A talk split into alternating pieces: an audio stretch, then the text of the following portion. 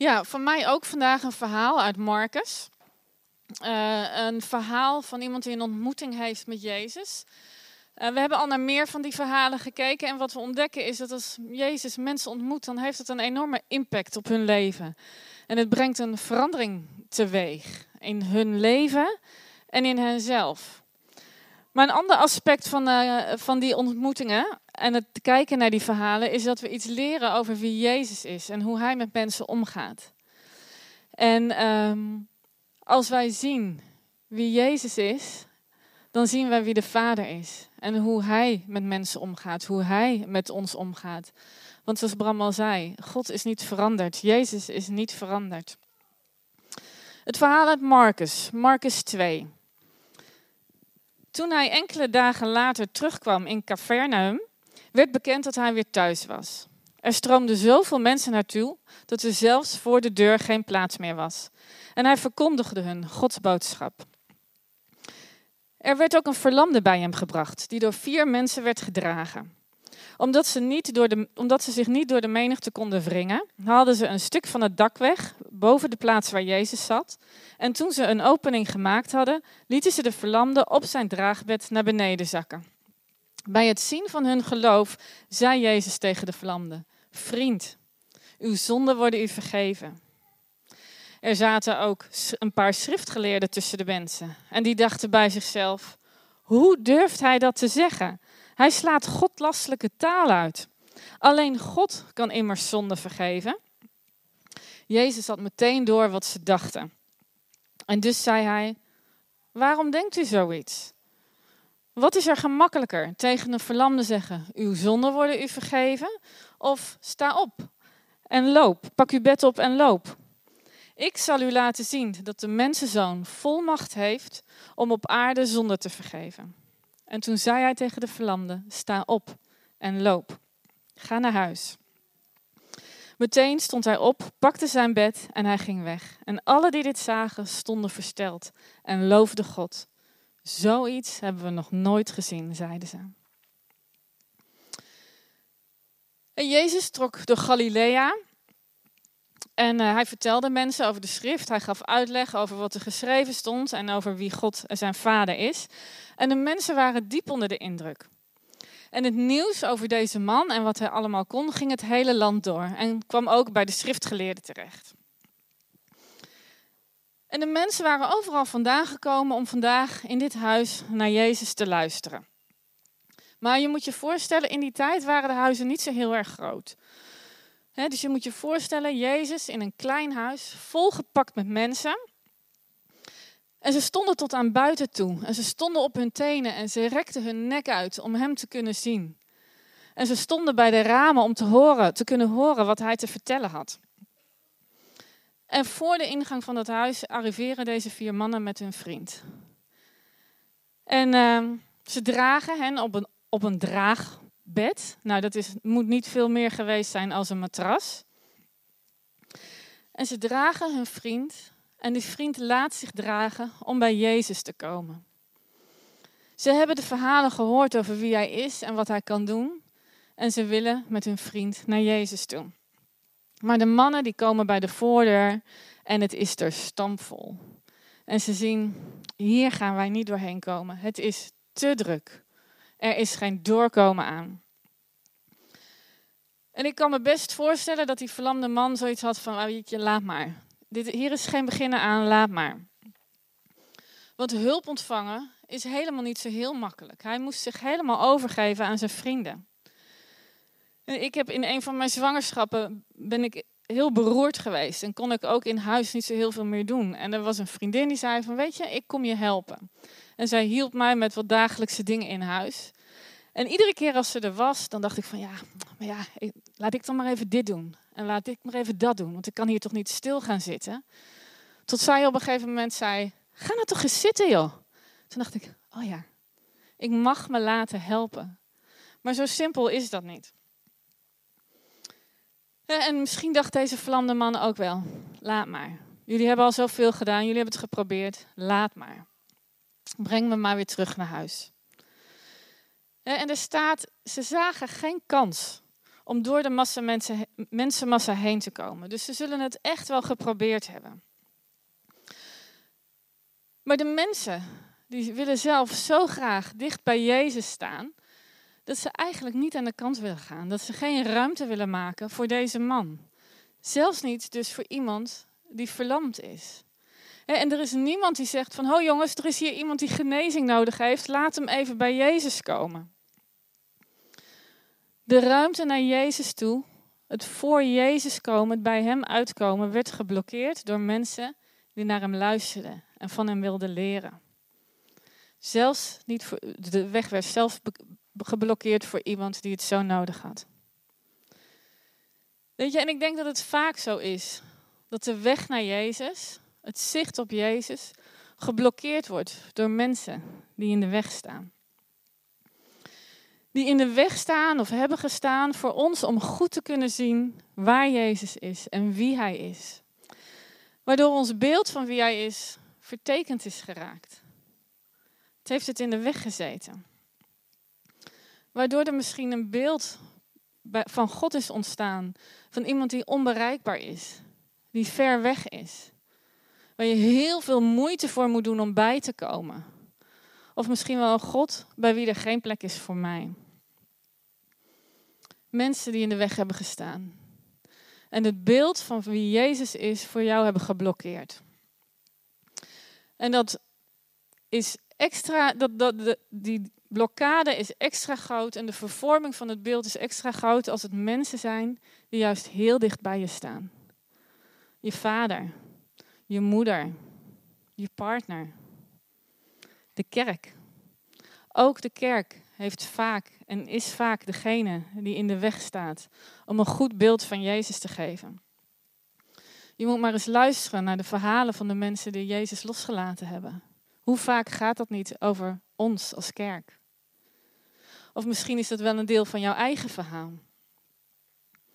En ik, in hoeverre sta ik mensen in de weg om een goed beeld van Jezus te krijgen?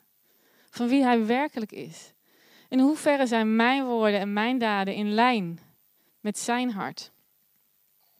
Hoe vaak heb ik als leider in de weg gestaan? Hoe vaak heb jij in de weg gestaan? Het huis is gevuld met mensen die naar Jezus luisteren, van Hem willen leren. En toch is er iemand die niet bij Jezus kan komen. Mensen staan in de weg. Veel mensen zouden hier opgehouden zijn, zouden het opgegeven hebben. Het lukt niet, helaas, we gaan wel weer naar huis. Of misschien wel, zie je wel, er is geen plek. Maar deze mannen niet. Deze mannen zijn vastbesloten om hun vriend voor Jezus te brengen. Ze zijn er zo van overtuigd dat Jezus kan genezen, dat ze zich op geen enkele manier tegen laten houden. Nou, Marcus vertelt vrij kort en bondig. Ze gaan het dak op, terwijl ze hun vriend dus nog steeds droegen. Ze halen het dak open en ze laten hem naar beneden zakken. Ik kan me voorstellen dat Jezus best wel wat meegekregen heeft van, heeft van het rumoer bij de voordeur. En dat de mensen naar binnen wilden en dat het niet lukte. Hij zal de onrust wel bemerkt hebben. En waarschijnlijk merken, horen de mensen nu ook wel gerommel boven hun hoofd. En de daken bestonden toen uit balken, bedekt met takken en met klei. En die vier mannen begonnen dat weg te halen. Dus dat moet troep hebben gegeven. Er vielen dingen naar beneden, misschien wel hele brokstukken. En het gat in het dak werd steeds groter. En op een gegeven moment zullen de mensen ook wel omhoog gekeken hebben van, wat, wat gebeurt hier? En de, die, die mannen op het dak, ze verstoren het onderwijs wat Jezus aan het geven is. En de aandacht van de mensen die daar zijn, die richt zich steeds meer omhoog. Wat zouden ze gedacht hebben? Er is hier iemand het, het huis aan het afbreken. Waarom doe je hier niks aan, Jezus? Waarom stuur je ze niet weg? Ze verstoren wat wij hier aan het doen zijn. Dat kan toch niet? Maar Jezus reageert totaal anders dan de mensen verwachten. Hij grijpt niet in. Hij laat ze komen. Hij wacht ze heel rustig op. Hij laat die vrienden hun vriend naar beneden zakken totdat hij voor hem ligt. En boven bij dat gat Vier hoopvolle, verwachtingsvolle gezichten die helemaal vol verwachting kijken naar wat er gaat gebeuren. En Jezus' reactie is eigenlijk wel verrassend. Hij was helemaal niet boos dat die mensen het dak open hadden gemaakt en hun vriend naar beneden hadden laten zakken. Want hij zag iets heel anders. Hij zag iets wat hem ontzettend blij maakte. Hij zag een daad waar zoveel liefde uitsprak. Hij zag mannen met zo'n groot vertrouwen in wie hij is, dat ze er niet aan denken om naar huis te gaan zonder hun vriend voor Jezus te hebben gebracht. Hij zag een geloof dat zich niet liet tegenhouden. Jezus ziet het geloof van deze vier mannen. De mannen die geloven dat Jezus machtig genoeg is om hun vriend te genezen en bereid is dat ook te doen. En die verlamde man, hè, hoe kwetsbaar ligt hij daar? Hij kan geen kant op.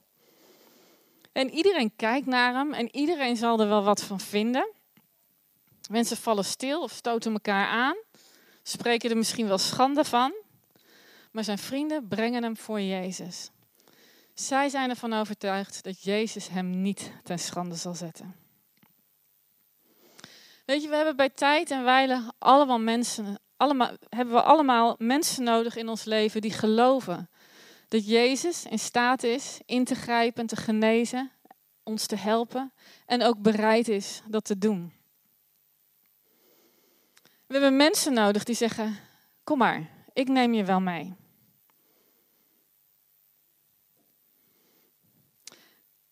En de mensen om ons heen hebben iemand nodig die hun helpt bij Jezus te komen. Die, die hebben mensen nodig die geloven en vertrouwen dat Jezus kan ingrijpen en ook bereid is dat te doen. Mensen die voorbij hun ongeloof en hun schaamte kijken en zeggen: Kom, kom maar. Kom maar mee naar Jezus. Ik weet niet wat hij gaat doen, maar hij is bij machten in te grijpen. Hij kan wonderen doen. En wat een voorrecht om elkaar als kerk op die manier te mogen dragen, te helpen dragen en elkaar voor Jezus te mogen brengen. Wat een kracht zit er in gezamenlijk geloof, in gezamenlijke aanbidding. En als jij het even niet meer weet, mag ik je dan meenemen naar Jezus. Je mag op mijn geloof en op mijn vertrouwen leunen. En we mogen in deze wereld ons geloof, met ons geloof en ons vertrouwen, het vertrouwen dat wij hebben in Jezus, de mensen om ons heen bij Jezus brengen. De mensen die zo verlamd zijn geraakt dat ze niet op eigen kracht bij Hem kunnen komen. Mensen die het nodig hebben om hun schaamte te overwinnen en te ontdekken dat er genezing is en herstel. Jouw geloof doet ertoe. Jouw daden, jouw woorden, jouw vertrouwen in God, jouw geloof, jouw gebed, die hebben de kracht om impact te hebben in het leven van anderen. Jij kan iemand bij Jezus brengen, zoals deze vier mannen hun vriend bij Jezus brengen. wie draag jij? Wie neem jij mee naar Jezus?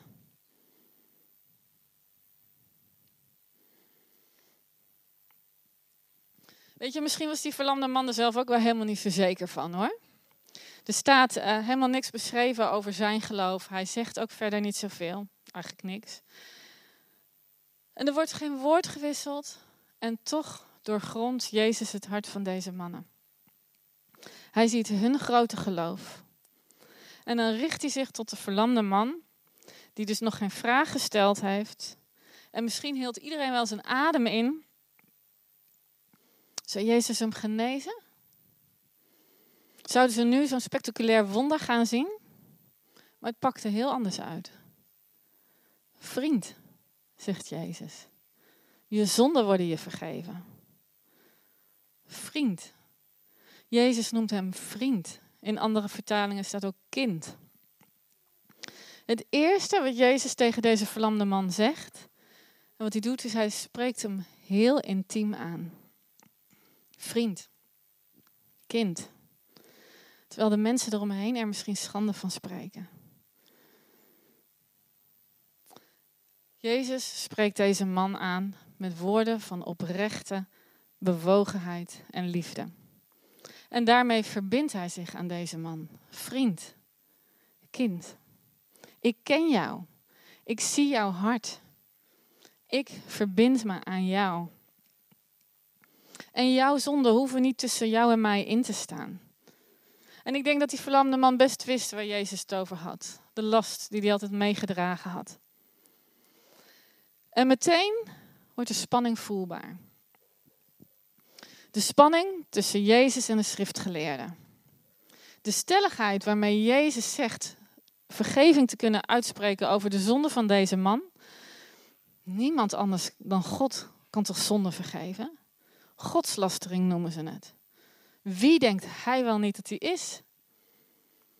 Er is er toch maar één die zonde mag vergeven? God. Dit is duidelijk een overtreding van de wet. Meteen ontstaat er een spanning tussen wet en genade. De genade die zegt: vriend, kind, kom maar. Je zonden zijn je vergeven. Ik verbind me aan jou. Ik ga relatie met je aan. En de wet die zegt: ehm, gaat dit wel volgens de regeltjes? We weten niet wie die man is, wat hij gedaan heeft. Ziekte werd toen vaak verklaard. Of de uitleg voor ziekte was toen dat er zonde was geweest in het leven van deze man. Dus wat had hij allemaal wel niet gedaan? Gaat dit wel goed? Gaat dit wel zoals het hoort? Een herkenbare strijd hè? tussen wet en genade. De voorschriften die God gegeven heeft, of de genade die Jezus brengt. Hoe verhouden die twee zich tegenover elkaar? En dat is een spanning die we hier in de gemeente net zo goed kennen en die jij misschien in je eigen leven ook wel kent. Leef ik wel genoeg zoals God het van me vraagt? Ik zou toch eigenlijk meer dit moeten? Ik zou toch eigenlijk meer zo moeten? Doe ik het wel goed? Hoe ga je om met iemand die totaal andere keuzes lijkt te maken?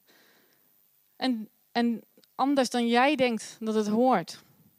En die toch ook op zoek is naar Jezus. Hoe zou Jezus zo iemand ontvangen?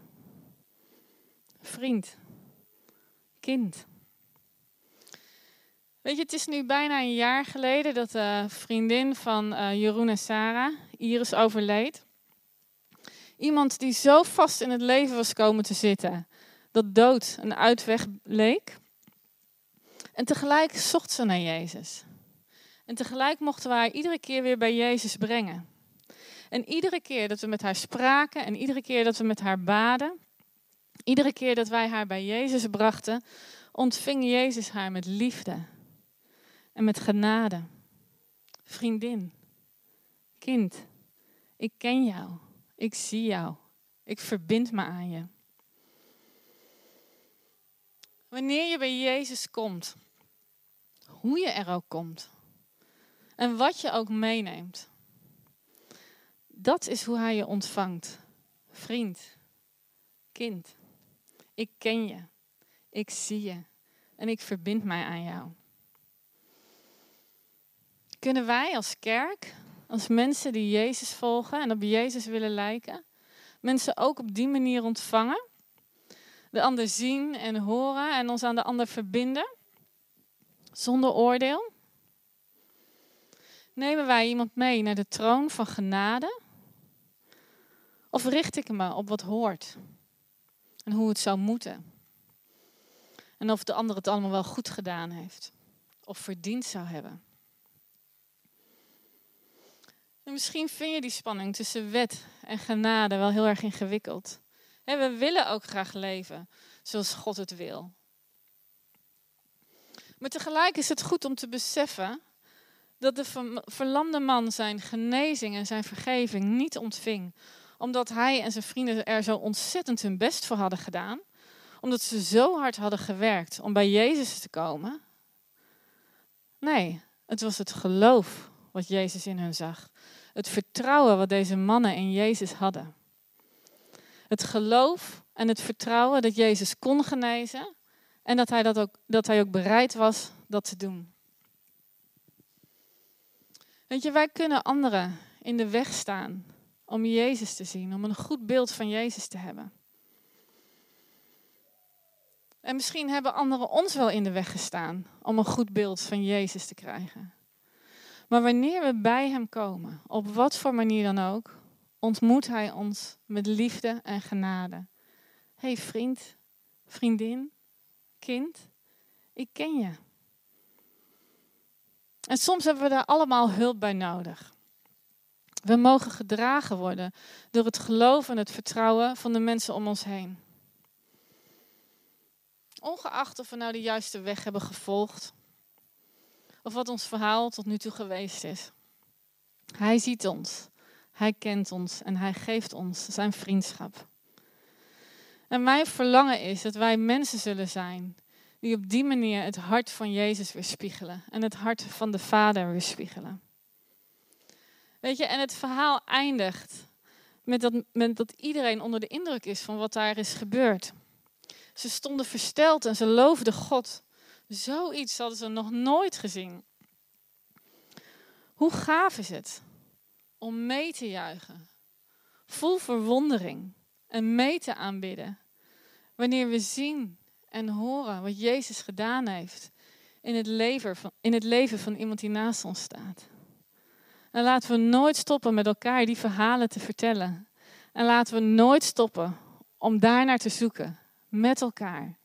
En laten we nooit stoppen elkaar daarbij te helpen. Zullen we samen bidden?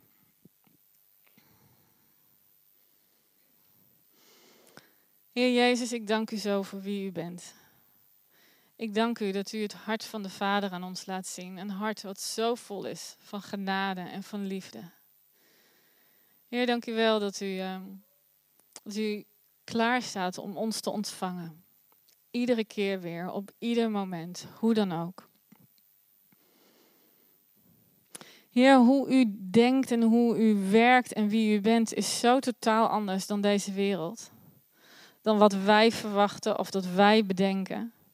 En ik bid dat u ons leert denken en leert kijken vanuit uw hart en met uw ogen. Om te leren leven vanuit uw koninkrijk, vanuit wie u bent en wat u kunt doen.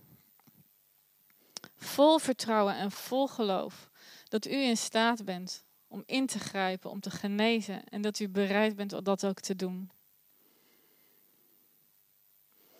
Dank u wel dat u ons uitnodigt om mensen bij u te brengen. Om net als u de ander te verwelkomen. Met liefde en genade. Heer, vorm ons. Heer, ehm, vorm onze harten, zodat ze uw hart weerspiegelen. Dat bid ik in Jezus' naam. Amen.